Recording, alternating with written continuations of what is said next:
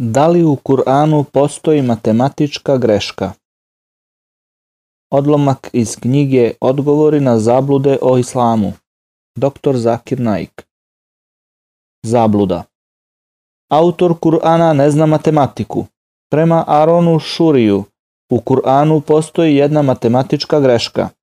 Ako saberete sve delove nasledstva koje se deli među naslednicima, što se spominje u četvrtom poglavlju 11. i 12. ajet dobija se više od jedne celine, preko 100%. procenata.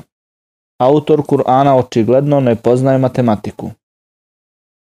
Odgovor Časni Kur'an na nekoliko mesta govori o nasljedstvu.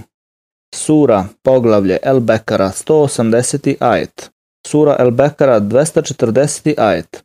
Sura En Nisa, ajeti od 7 do 9. Sura En-Nisa, ajeti 19 i 33. Sura el maide ajeti 105 i 108. U poglavlju En-Nisa u 11., 12. i 176. ajetu jasno je objašnjen način raspodele nasledstva. Pogledajmo 11. i 12. ajet sure En-Nisa kojeg Aron Šuri citira.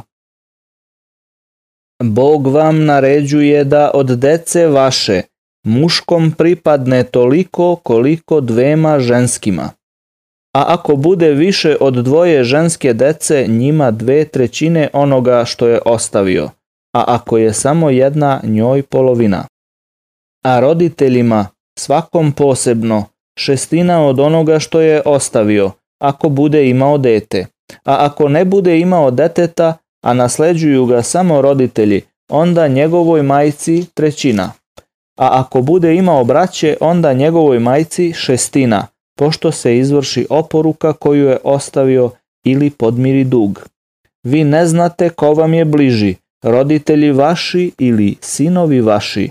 To je Božja zapoved. Bog zaista sve zna i mudar je. A vama pripada polovina onoga što ostave žene vaše, ako ne budu imale deteta a ako budu imale dete, onda četvrtina onoga što su ostavile, pošto se izvrši oporuka koju su ostavile ili podmiri dug. A njima četvrtina onoga što vi ostavite, ako ne budete imali deteta. A ako budete imali dete, njima osmina onoga što ste ostavili, pošto se izvrši oporuka koju ste ostavili ili podmiri dug. A ako muškarac ili žena ne budu imali ni roditelja ni deteta, a budu imali brata ili sestru, onda će svako od njih dvoje dobiti šestinu. A ako ih bude više, onda zajednički učestvuju u trećini. Pošto se izvrši oštećujući nikoga, oporuka koja je ostavljena ili podmiri dug. To je Božija zapoved, a Bog sve zna i blag je. Islam veoma detaljno govori o naslednom pravu. Većina propisa u nasledstvu data je u Kur'anu, dok neke manje detalje možemo da nađemo u hadisima, kazivanjima Božijeg poslanika, neka su Božji mir i blagoslov nad njim. Ima ljudi koji se celog života bave proučavanjem islamskog naslednog prava, raznim kombinacijama u podeli imovine. Aron Šuri očekuje da upozna celokupno nasledno pravo samo ukoliko pročita ova dva ajeta bez poznavanja nekih osnovnih kriterijuma.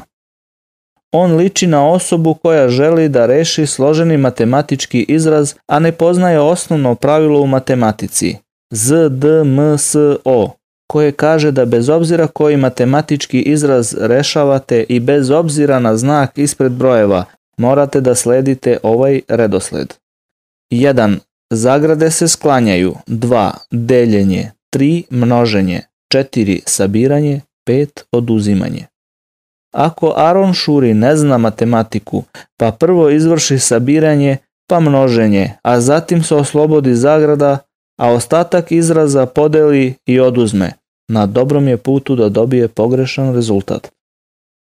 Pored toga, iako se u 11. ajetu prvo spominju deca, a tek kasnije roditelji i supružnici prema striktnom pravilu u islamskom naslednom pravu najpre se odvaja deo nasledstva koji pripada roditeljima i supružniku u zavisnosti od toga koliko je iza umrlog ostalo dece pa se tek nakon toga ostatak imovine podeli sinovima i čerkama umrlog. Svakome tačno preciziran deo. Gde se ovdje javlja ukupna suma od preko 1?